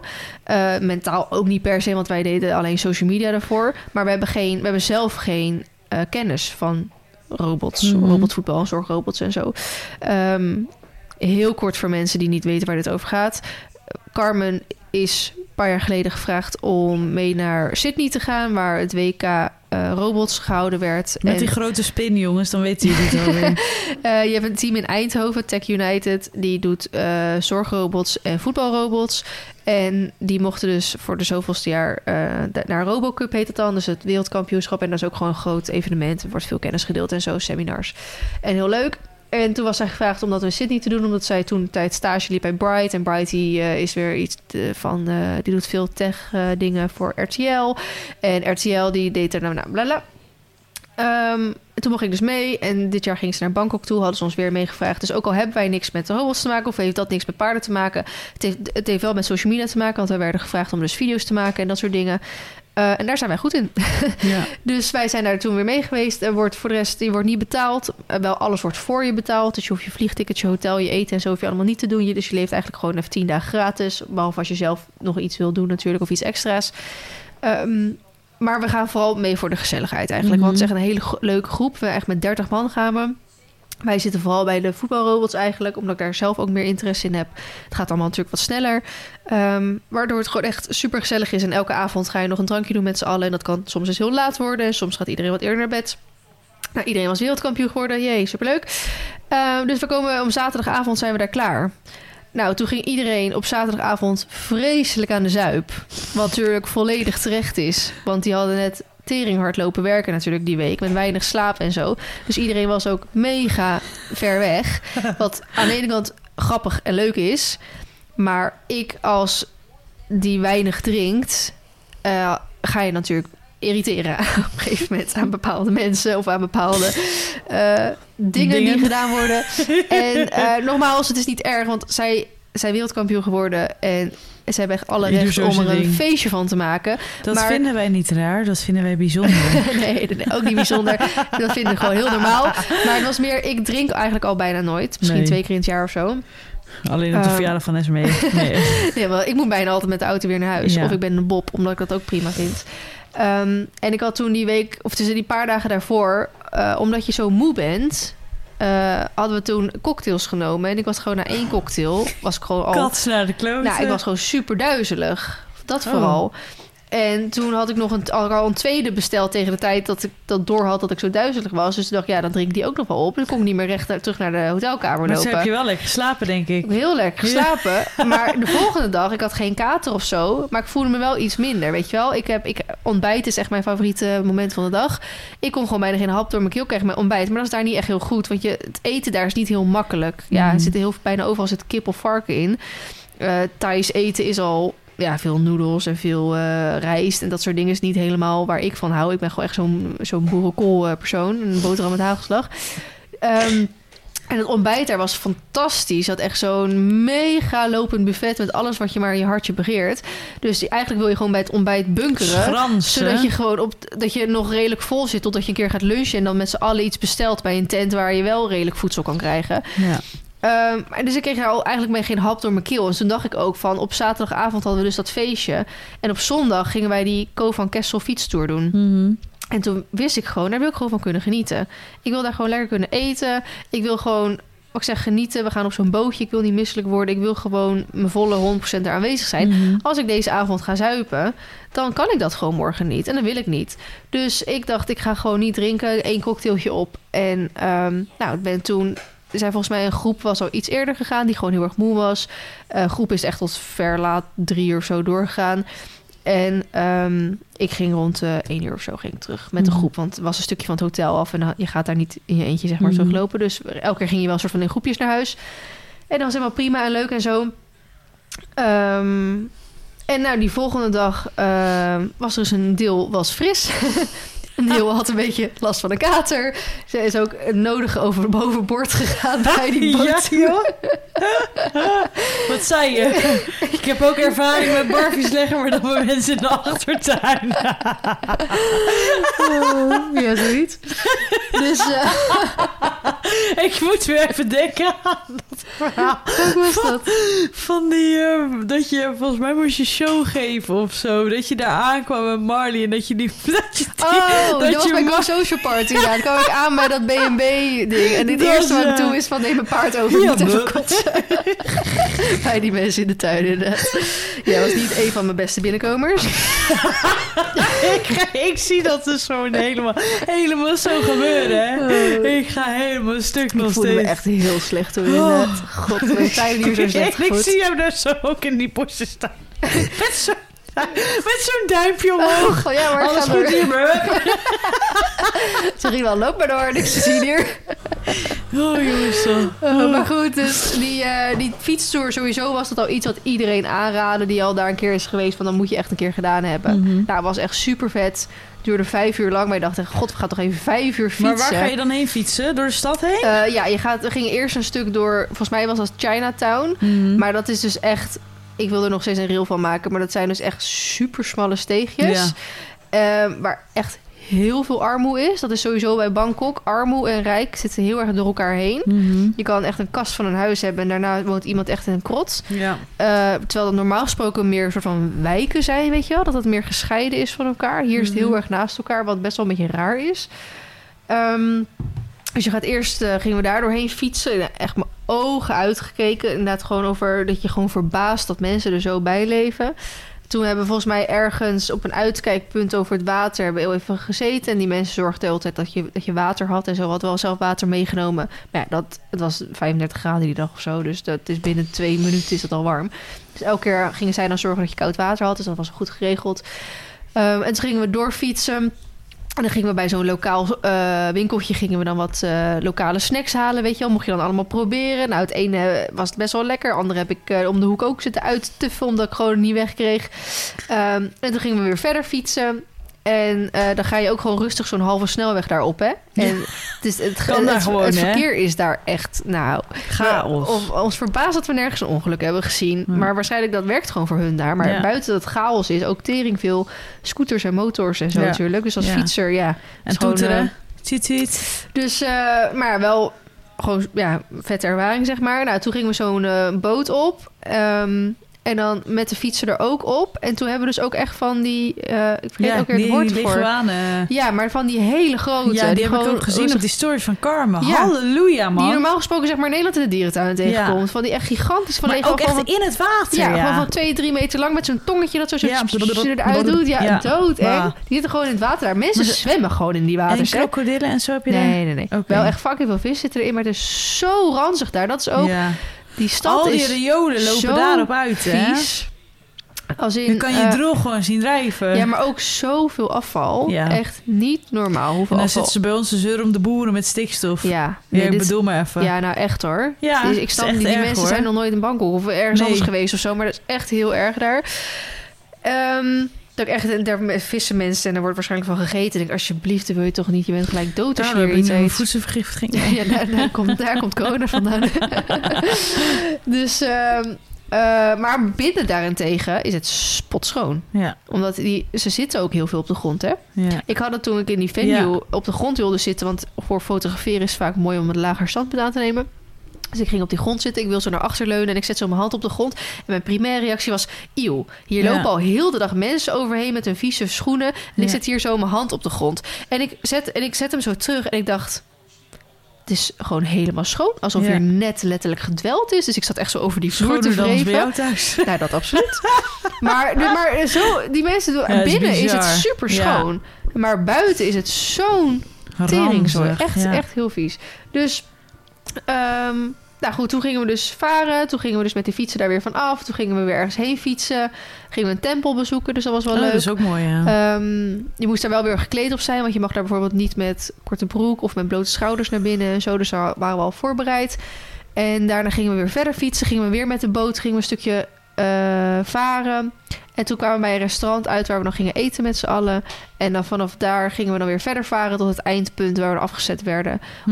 Eh, en dan konden we, het laatste stukje was echt vijf minuutjes lopen terug naar die eh, ding. Dus dat was echt heel vet om te doen. Absoluut aanrader. Iedereen zei het eigenlijk al, dat moet je echt een keer gedaan hebben. Dus daardoor had ik wel een soort van hoge verwachtingen. Ja, Maar dat het dit ging worden, had ik dan weer een soort van niet verwacht. Dus Ja. dat was echt wel heel vet. En zeker omdat we nog niks van Bangkok hadden kunnen zien. ja, dat is top. Dan heb je, in ieder nu- geval een beetje had je toch een beetje wel wat kunnen zien. Ja. En toen hadden Carmen en ik voor, de, voor die laatste dag, want we vlogen op maandagavond weer terug, hadden we een ander hotel geboekt. In theorie Ja. konden we daar nog blijven, maar we wisten ook helemaal nog niet wat voor hotel we gingen zitten. Het was eigenlijk best wel een luxe hotel waar we zaten.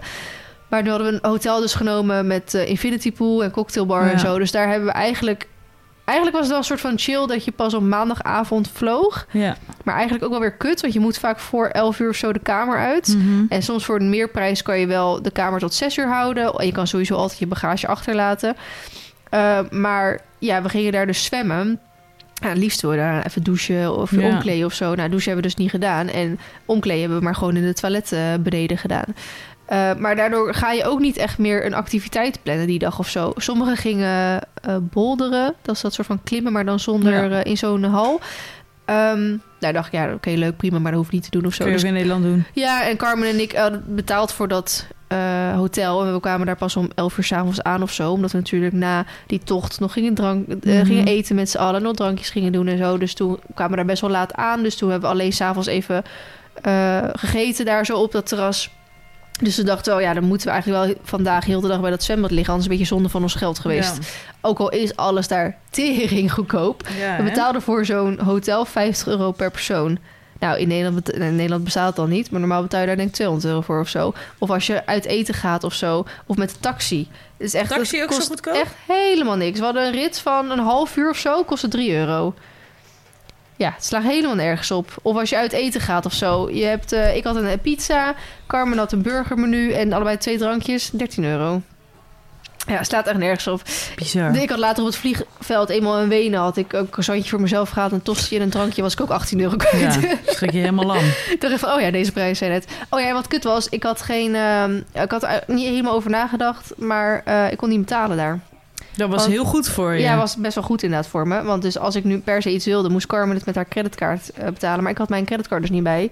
En met mijn normale pinpas eh, kan ik daar niet betalen. Ook al staat hij op wereldding, ding, maar ik kan Bizar. nog niet betalen. Dus eh, dat was aan de ene kant goed. Aan de andere kant wel irritant. Als ik dan een keer wel wat wilde kopen, moest ik gelijk Carmen weer aan de mouw trekken. Carmen, mag ik dit alsjeblieft? Ja, Nee, dus... eh, je budget is op voor vandaag. eh, en toen s'avonds vlogen we terug. Ehm, Hoe lang is nou vliegen dan? 14 uur volgens mij. Maar dat is meer, wij gingen van Düsseldorf naar Wenen. En dan van Wenen had je een overstap van twee uurtjes of zo. En dan naar Bangkok. Mijn hemel. Ehm, dus andersom was het natuurlijk precies hetzelfde. Dus je hebt wel zeg maar een overstap. En daarom was het 14 uur. Volgens mij als je rechtstreeks gaat is het 9 uur of zo. Ja, maar zij zitten met al die robots en al die batterijen en zo. En de kosten natuurlijk. Zij moeten voor 30 man vliegtickets hebben naar Thailand. Mhm. Eh, dus je wil zo goedkoop mogelijk natuurlijk. Heb je wel geslapen dan? Ja, ik had allebei de keren een nachtvlucht. Want de... ja, ik had echt niet geslapen hoor, van Nee? Curaçao terug. Oh nee, ik heb wel echt... eh, wij hebben allemaal wel... Ja, niet... Maar wat voor vliegtuig had je dan? Kon je, had je een beetje beenruimte en nou, zo? de eerste keer niet. Gewoon normale... Oh, ziet. verschrikkelijk. Maar omdat ik mijn tweede vlucht dus om heb moeten laten boeken... omdat ik natuurlijk eigenlijk tien dagen langer zou blijven... Mhm. omdat Sjoerd zou overkomen. Ehm, Heb je dus- business class gevlogen? Nee, nee, maar kon ik, ik kon op een of andere manier niet mijn eh, zitplaatsen doorgeven. Dus ik kon ook niet dat ik Mm. bijvoorbeeld naast Carmen ging zitten of Mm. zo. Dus ik heb gewoon een zitplaats aangenomen die zij mij had toebedeed. En toen heb ik dus twee, tot twee keer toe gewoon bij de nooduitgang gezeten. Dat ik dus mijn beenruimte heb. Maar ik vind dat dus kut. Want je hebt misschien wel lekker beenruimte, maar ik vind het lekker om mijn benen ergens tegenaan te kunnen zetten. Dus gewoon tegen die stoel voor je. Wel dat die persoon voor je er geen last van heeft. Maar dat je jezelf een soort van klem zet. Dat je zo een beetje opge- opgerold in je stoel kan zitten. wel wat je bedoelt. En dat kan dus niet als je bij die ik wil liever zit. dat, mijn, dat mijn leuning naar achter gaat Ja, dat helemaal. kunnen ze allemaal wel gewoon. Ja, maar ook niet ver. Nee, niet super ver inderdaad. Niet dat je net lekker ligt. Nee, nee, klopt. Ik had wel zo'n nekkussen gekocht en zo, dus dat hielp al een hoop. Maar ik kreeg dus heel erg last van mijn knieën op een of andere manier. Omdat ik dus constant met gestrekte benen zat bij die nooduitgang. Ik weet niet waarom, maar ik kreeg heel erg last van mijn knieën Hm. daarom. Dus ik was heel blij toen, ik, eh, toen we er bijna waren. Ehm, dus ja, goed, het was eh, leuk. Het was vooral gezellig. Eh, echt wel weer hele leuke mensen. Was een deels, ik denk dat de helft van het team ongeveer hetzelfde was als toen in Sydney. En nu weer Hm. nieuwe mensen.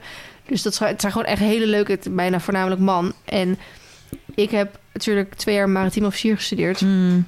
Dus ik ben heel erg gewend om alleen maar tussen de jongens te zitten. En daar eh, ja, een soort band mee op te bouwen. Mhm. Of eh, daar zat ik mee op school natuurlijk. Nou, dit is natuurlijk... Ja, je zit niet op school, maar je bent wel weer met een soort project met z'n allen bezig. Ehm, dus het, wa- dat deed me weer een beetje daaraan denken. Ja. Dus ik ga gewoon heel goed met jongens of met groepen jongens... of, of dat gewoon gezellig en zo Ja. hebben. Eh, dus ik vond het echt heel erg leuk. Ja. En ik hoop ook echt dat wij volgend jaar weer mee mogen naar Frankrijk dan. En dat we dan een deel van die eh, jongens ook echt wel weer terugzien. Ehm, dus aan de ene kant heel erg naar mijn zin gehad. Aan de andere kant zeer weinig van Thailand of Bangkok gezien. Zo zonde, ja. En aan de ene kant wel zonde. Eh, ook toen ik daar was, toen dacht ik ook echt van... Oh, ik vind, baal echt wel dat Sjoerd niet eh, kon komen. Want voor de mensen die het niet weten... Sjoerd zou, tien, zou eigenlijk op de dag komen dat we, dat we weg zouden gaan. En dan zou Carmen dus naar huis gaan, want die moest gewoon terug voor werk. En zou Sjoerd overvliegen, zou Sjoerd denk ik nog tien dagen door Thailand gaan reizen.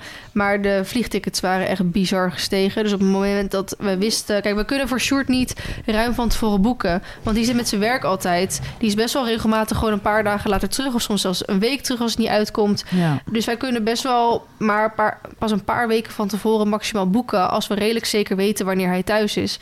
Ehm, dus toen wilde ik dat gaan doen. En toen stond dus die ticketprijs op 2400 euro. Ja, dat is echt Terwijl bizar. normaal gesproken, als jij een ticket gewoon op tijd boekt, staat die op 700 euro. Dus gewoon ruim drie keer zoveel geld. En we hadden, kijk, we zitten natuurlijk sowieso nog in de verbouwing en we willen een hoop dingen nog kopen binnenkort. Ehm, dus we vonden het gewoon niet meer waard. Wat jammer is, want toen ik eh, bij die Infinity Pool zat... en ik zo over Bangkok uitkeek... toen dacht ik echt van... Oh, ik zou wel echt heel graag mijn short nog Mhm. tien dagen willen reizen. Zeker omdat eh, een groep mensen dat wel nog gingen doen. Nog gingen reizen ervoor of daarna. En toen dacht ik echt van, oh, ik had het wel willen doen. En toen dacht ik ook gewoon weer van... Oh, ik zou hier ook wel mijn geld aan uit willen geven... om weer een keer terug te gaan. Maar eenmaal thuis heb je toch ook weer zoiets van... weet je, dan zie je wat er nog allemaal moet gebeuren. Ja, En dan denk je echt, met ja. het geld. Dat geld kunnen we ook dit van doen of zo, Mhm. weet je wel. Want wat we bijvoorbeeld ook binnenkort... waarschijnlijk volgende week al willen gaan doen... is een nieuwe auto kopen. Ik heb er al een beetje over gehint. Maar Ja. ik heb het nu ook wel in een vlog, denk ik... tegen de tijd dat deze online komt, verteld. Maar we willen eh, bij een nieuwe auto kijken. En tegen de tijd dat, dat we die hebben... zal ik er wel iets dieper op ingaan. Maar ehm, ja, nieuwe auto's kosten... Dus we gaan natuurlijk geen nieuwe... Pardon, nieuwe nemen, want die zijn onbetaalbaar en dat is altijd een slechte investering. Dus je neemt eigenlijk bijna altijd een tweedehands auto. Mhm. Uh, maar met de auto die wij willen, ben je nog steeds een hoop geld kwijt. Dus uh, ja, dan denk je, ja, dan stop je liever daar je geld in. Of zoals ik nu bezig met een paard zoeken of zo. Ja, Dan uh, stop je daar liever je geld in. Ja. Dus nou ja, goed. Ik was uh, bij Thailand teruggekomen afgelopen dinsdag. Ik heb trouwens voor Thailand heb ik nog even mijn botox bijgewerkt. In Oh. mijn kin. In mijn kaak bedoel ik. Ehm, nou, ik was met die, met die chirurg erover. En eigenlijk gaat alles supergoed. En, eh, en wilde ik gewoon kijken of ik dat laatste stukje nog een beetje doorheen kon Heb krijgen. je nog migraine gehad? Nee, heel weinig laatste tijd. Ik heb Ja, sowieso ik wou vrij zeggen, weinig... ik heb je eh, helemaal niet over gehoord ook meer. Nee, nee, ik kan me inderdaad... Ik en wilde kraken? ik, ja, heel lichtjes, maar ook niet heel erg. Ik wilde eigenlijk zeggen, ik kan me niet meer heugen wanneer ik voor dat ja, migraine heb gehad. af Maar elke keer als ik dat zeg, dan heb ik dus binnen een paar dagen migraine. Ja.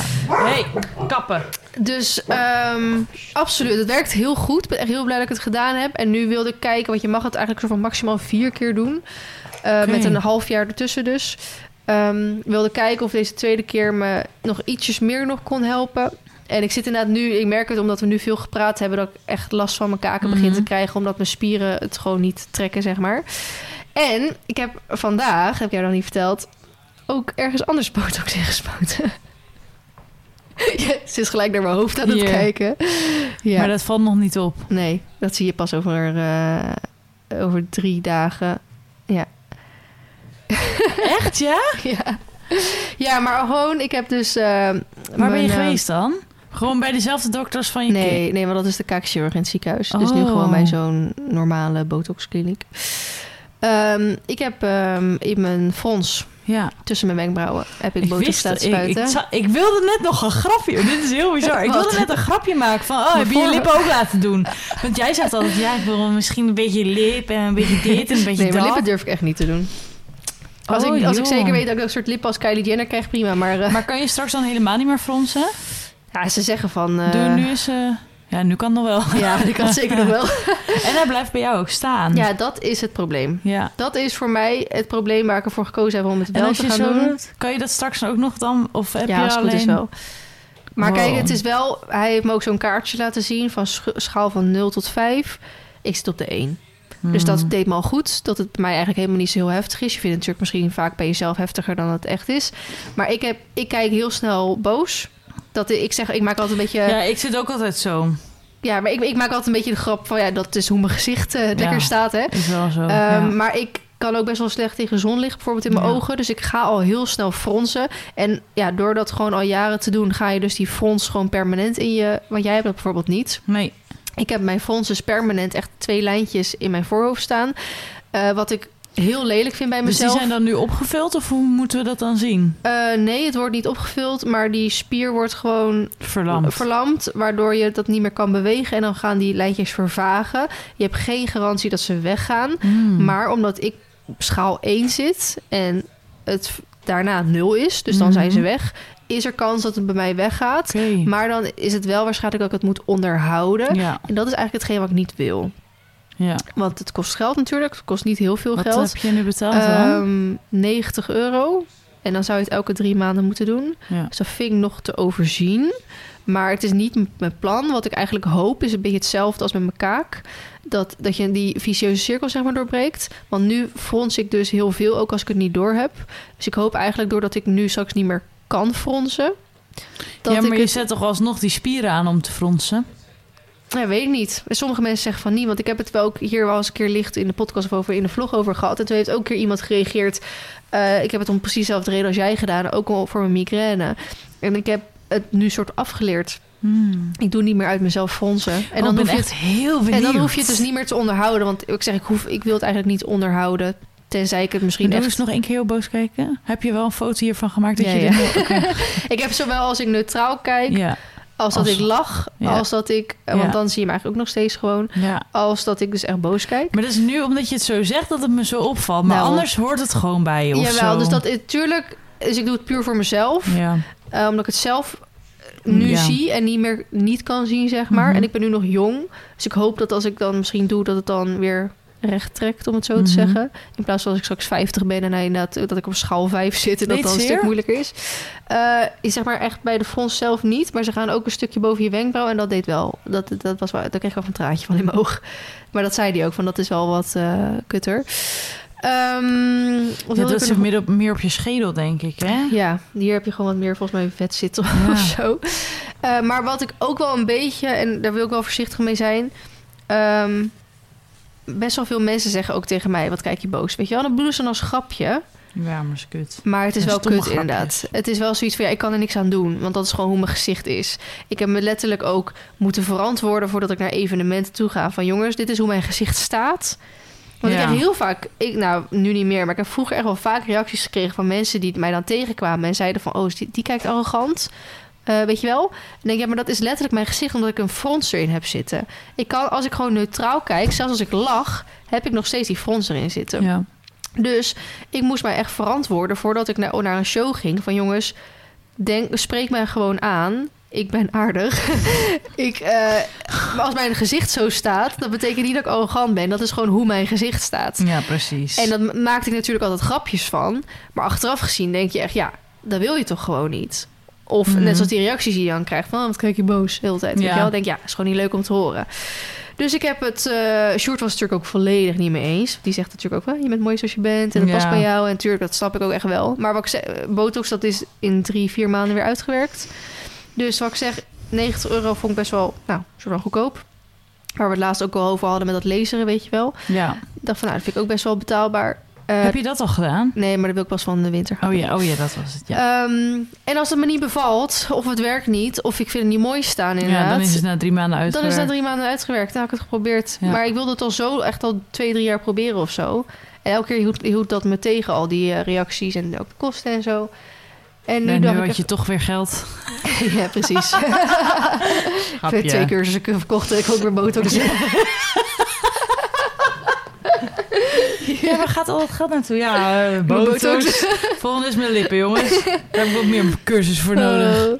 nee, ik ging eh, eens voor de gein kijken bij van die Instagram-pagina's die dat dan doen. Maar ik vind bijna geen enkele lip met botox mooi. Nee, een eh, oud collega van mij heeft een eigen bedrijf erin. Echt? Ja. Die raad je wel aan?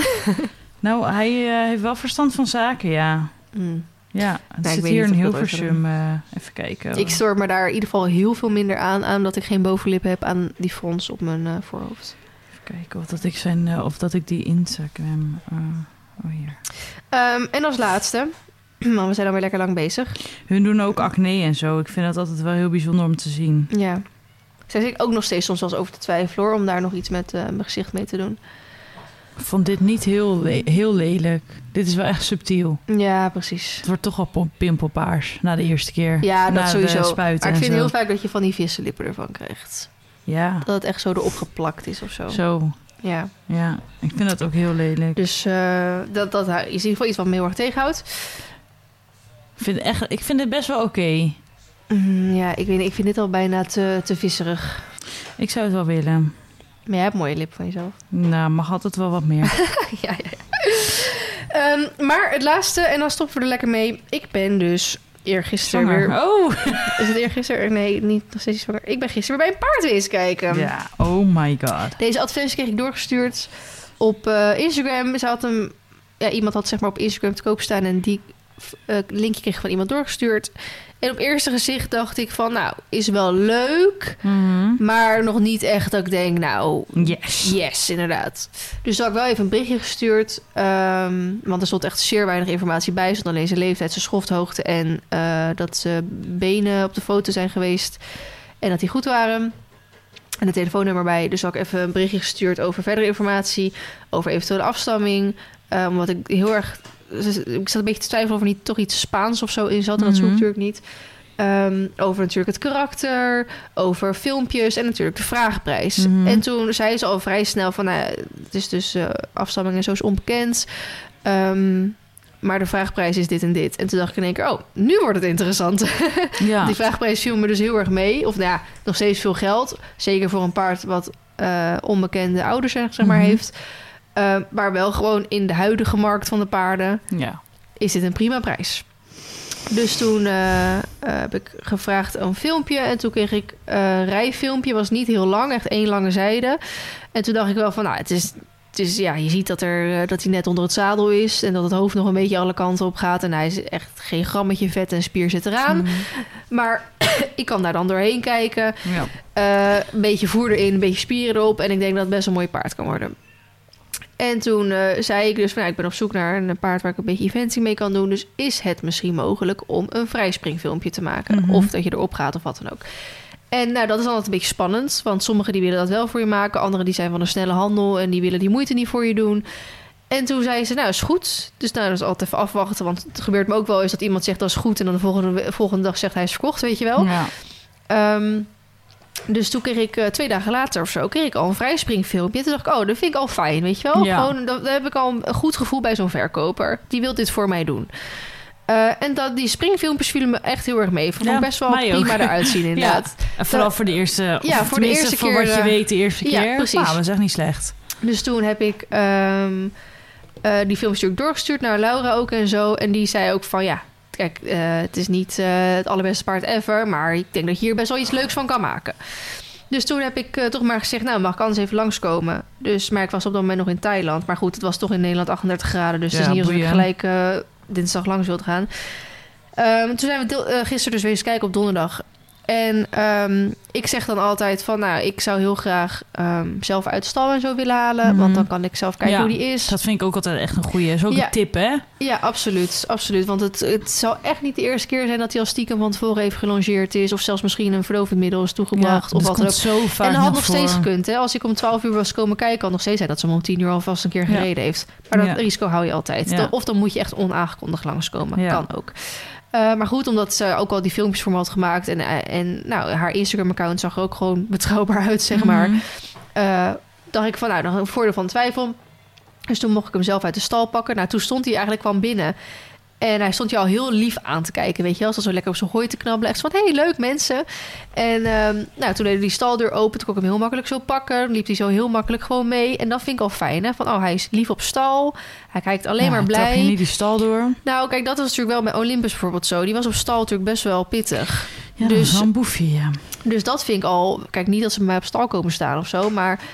Dat geeft, zegt al best wel wat over een karakter, hoe een paard op stal is. Mhm. Eh, dus toen eh, heb ik hem meegenomen naar de poetsplaats. Nou, hebben we zo een stukje over het erf gelopen. Heb ik hem daar neergezet. Mocht ik hem zelf poetsen, zelf zadelen. Nou, ik kon hem overal aanraken. Kon ook alle vier zijn beentjes optillen. Natuurlijk een beetje wankel, maar ging wel allemaal. En dan kan je ook even kijken hoe die reageert. Hè? Achterbeen optillen vinden ze best wel lastig vaak. Eh, en als dan wil hij zo terugtrekken. En dan kan je kijken hoe, hoe gaat hij reageren. Gaat hij uithalen? Ja. Gaat hij zijn, eh, zijn balans verliezen? Laat hij het toe? ja. Nou, hij liet het gewoon toe, weet je wel. Allemaal dingen die je goed kan meenemen. Toen mocht ik hem opzadelen. Nou, even kijken ook, want hij het is best een hij boven de 1,70. Dus even kijken of ik dat zelf eigenlijk ook wel prettig vind. Als ik zelf maar 1,67 ben. Heb je een krukje? Dus eh, nou, dat ging eigenlijk allemaal wel. Eh, even kijken natuurlijk hoe die reageert met aansingelen. Hè? Want gaat, reageert hij daar nukkig op, ja of nee? En eh, toen eh, het hoofdstal in doen, gaat hij zo zijn hoofd super hoog in de lucht doen. Laat hij het bit wel toe. Nou, eigenlijk alles ging gewoon goed. Lekker met die vrouw gewoon zitten, zitten kletsen. Ja, het is en blijft wel gewoon een handelaar. Hè? Dat paard is voor de verkoop. Dus het is, niet, het is gewoon wel anders als je bij een particulier Mm, komt. Met een ja. particulier krijg je alle verhalen om je heen. Die raakt niet uitgepraat vaak over zijn paard. En zijn handelaar is er gewoon, ja, je vertelt de informatie die nodig is en niet meer. Dus toen had zij hem zo meegenomen. Ik had ook gevraagd, is er iemand om voor te rijden? Hè? Ook een tip. Ik vind dat altijd wel fijn om te zien. Ja. Ehm, en toen had zij hem dus zo bij een krukje gezet. Nou, ze stapt zo op. Hij zat gewoon zo. Hij stond super braaf stil. En toen zei ik van, oh, hij staat braaf stil. Zegt ze, ja, heb ik wel met, moet, met eh, moeten oefenen hoor. Want ik vind het wel belangrijk. En ik denk, ja, tuurlijk moet je dat oefenen. Want bijna geen enkel paard staat gelijk Mhm. stil bij zo'n krukje. Maar vind ik wel belangrijk en goed van haar... dat ze dat gewoon gelijk vanaf de basisopleiding met hem heeft gedaan. Want ze hebben hem zelf ingereden daar. Mhm. En eh, ook vooral natuurlijk, hè, ik heb met eh, Olympus een opstapprobleem gehad. Waardoor ik dat vertrouwen natuurlijk een beetje kwijt was. Ehm, waardoor ik het heel fijn vond om te zien dat deze gewoon met zijn oortjes om zich heen zat te kijken terwijl zij opstapt en wegloopt. De bak in loopt, niks aan de hand. Ze gaat gewoon linksom, rechtsom, een drafje, ergens een galopje. Hij kijkt een beetje natuurlijk om hem heen. Dat er in Ja. één keer mensen in de bak stonden, vond hij heel raar. Eh, de containers stonden aan de weg, vond hij ook een beetje raar. Maar prima, weet je wel, zolang hij maar niet aan de kletter gaat. Dus Ja. ik vroeg ook aan hoe was hij met inrijden. Heeft hij een keer gebokt, een keer gedaan. Zegt nee, hij was eigenlijk heel braaf. Ja, een keer viel er iets om of zo. Toen schoot hij even opzij. Toen lag het meisje ernaast. Ja, kan gebeuren. Denk ja, Ja. dat kan ook gebeuren. Ja, is ook. Dus ehm, eigenlijk heel positief. Nou, toen ging ik erop en zij reed er met sporen. Ik eh, hoef geen vierjarige met sporen te rijden. Dus toen eh, dacht, had ik ook gezegd, dat hoeft niet. Maar dan merk je wel dat hij niet zo goed aan je been is. Maar hij is nog jong. Dat is nog heel makkelijk aan te passen. En wat ik natuurlijk belangrijk vind, hij geeft een goed gevoel. Ja. Veilig gevoel. Gaat niet rennen, gaat niet lopen. Kan sturen, kan remmen. Hij sprong aan in galop. Ehm, ja, alles ging gewoon braaf, weet je wel. Eén keer toen, toen schoot hij, soort van half even vond hij zoiets spannend, ging hij zo een beetje zo opzij. Maar dat voelde ook gewoon nog steeds goed, weet Ja. je wel. Het hoeft ook geen dode machine te zijn. Dus ehm, eigenlijk voor mij geen reden om nee te zeggen. Dus ik Mhm. had ook gevraagd aan Sjoerd wat hij ervan vond. En hij zei, nou, op zich ziet er wel gewoon prima uit en zo. Hij had filmpjes gemaakt, foto's gemaakt en zo. Dus toen zei ik ook tegen haar van, ja, ik zie eigenlijk geen reden om het niet te doen. Hè? Dus... ehm, toen heb ik eigenlijk tegelijk tegen haar gezegd... Ja, ik vind hem eigenlijk wel heel erg leuk. Ik wil heel even afwachten. Ook even de, filmpjes doorsturen naar de mensen die eh, met mij... zeg maar dit, hè, naar Laura en zo, naar jou Mhm. toegestuurd. Wat zij ervan vinden. En eigenlijk was iedereen was heel positief Wat zei over het Laura paard. daar eigenlijk over dan? Die zei... eh, zal ik eens even kijken wat ze zei? Laura zat er wel lekker kritisch. Mhm. Die had gezegd... ehm, ik had natuurlijk gezegd, vond hem heel erg leuk. Echt super lief, mega mensgericht en heel nieuwsgierig en zo. Mhm. Erg knuffelig en kijk bijna nergens naar. Opstalen, hoofdstoot doen, opstappen, netjes stilstaan. Wat sloom voor het been. Eh, op de benen dus al goedgekeurd vorige maand. Dus ik hoef alleen de rug en de hals en klinisch te doen. Had hij gezegd, lijkt ook echt super braaf onder het zadel. Wel nog veel werk aan natuurlijk, maar niet verkeerd, nee. Hij lijkt best groot, maar als hij netjes zijn hoofd naar beneden doet, ziet het er fijn uit. Eh vindt de prijs nog iets hoog voor een paard zonder afstamming. Eh, dus ik zeg, ja, vind ik ook misschien wel. Maar hij is en braaf en goed gekeurd op de benen. Dus dan gaat Ja. vaak de prijs al omhoog. Zei ze ook van, ja, dat is dus inderdaad zo. Dus ook Laura was eigenlijk best wel positief. Dus toen zei ik tegen haar van, nou, ik, eh, toen heb ik dus eigenlijk binnen twee uur of zo tegen haar gezegd, nou, ik uh, koop graag van je. Uh, nou, dan ga ik een keuring inplannen. Dus ik heb voor aanstaande woensdag, voor de mensen die deze podcast luisteren, is dat wel alweer een tijdje geleden. Zo spannend. Uh, heb ik hem gekeurd? Of ga ik hem keuren? Nou, benen hoef ik dus gelukkig niet te doen, want het is echt vorige maand nog geweest. En ik uh, laat natuurlijk wel eventjes de benen nakijken. Eh, zijn er geen, weet ik wel, schiefels of zo, gekke wondjes bijgekomen? Uh, als het goed is, is er bij diezelfde kliniek ook die foto's van die benen gemaakt. Dus dan kan ik ook aan hun vragen van... neem me even mee door die foto's van de benen. Heb je er nog gekke dingen eigenlijk gezien? Maar ik heb het keuringsrapport gezien. waren eentjes en een paar tweetjes, maar voor de rest stond er niks bij. Um, dus dat uh, verwacht ik dan al. Heb ik al iets meer hoop, heel, iets meer verwachting dat hij gewoon goed is. Um, ja, en dan neem ik gelijk mijn trailer mee. En als die goed is, dan... Uh, ja, want het is twee, oh. bijna twee uur rijden. Dus ik ga niet dan weer ik heen en weer. Ik ben zo benieuwd. Ik ook. En ik hoop echt dat drie keer scheepsrecht is. En dan is het in één keer best wel weer snel gegaan. Want dan ja. twee uh, maanden niet eens kijken. En dan de eerste waar die kijken is dan toch al gelijk raak. Ja. En in theorie, alles... Eigenlijk voldoet hij echt aan elke eis. Ja. Dus daar ben ik vooral ook heel blij mee. Hij is wel, hij, eerlijk, hij doet je echt een beetje... Of tenminste, dat deed hij bij mij. Het doet me echt een beetje denken aan Baloo. Echt zo'n douche. Ja. Ja, hè? Dat beschrijft ja, nee, ik snap wat je bedoelt. Zo'n lelijk eentje die je eerst op moet ja. knappen. Nou, dat, echt, is het dus wel echt nog. Mensen moeten niet hele hoge verwachtingen hebben. Want het is echt nog een beetje een lelijk eentje. Ja. Weet je wel? Maar dat vind ik niet, niet erg. Want dat vind ik altijd juist wel leuk. Dan heb je er straks foto's en filmpjes hoe die nu is. En dan ga je er werk in stoppen. Ga je er voer, joh, voer in stoppen. en dan is het denk ik echt best wel een heel mooi paard. Ja.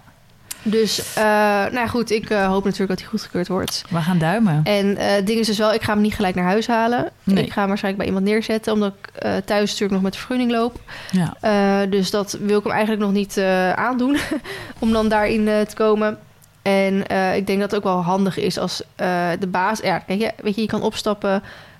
hij loopt al een beetje aan de teugel, stapt af galop.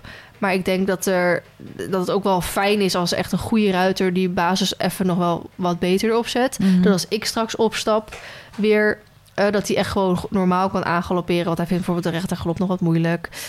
Um, dat hij gewoon wat stabieler in de aanleuning is. Wie weet, want hij is vier, dat er misschien al een keer een balkje of zo meegepakt kan worden. Mhm. Eh, vooral ook het liefst graag mee naar het bos of als een keer kan genomen. Want Ja. die stal die ik op het oog heb, die zit dus aan het bos. En dat, zij doen ook veel met die paarden het bos in. Wat is zijn geboortedatum? Is hij echt net vier of is hij al vier? Daar heb ik er helemaal niet naar gekeken. Oh. Dus eh, zijn naam is alleen niet zo leuk, dus we moeten een nieuwe naam gaan verzinnen. oh, En eh, ja, wat is zijn letter? Ja, het maakt ook geen zak uit als hij geen afstamming heeft. nee. Nee, maar goed, dat vertel ik tegen die tijd wel.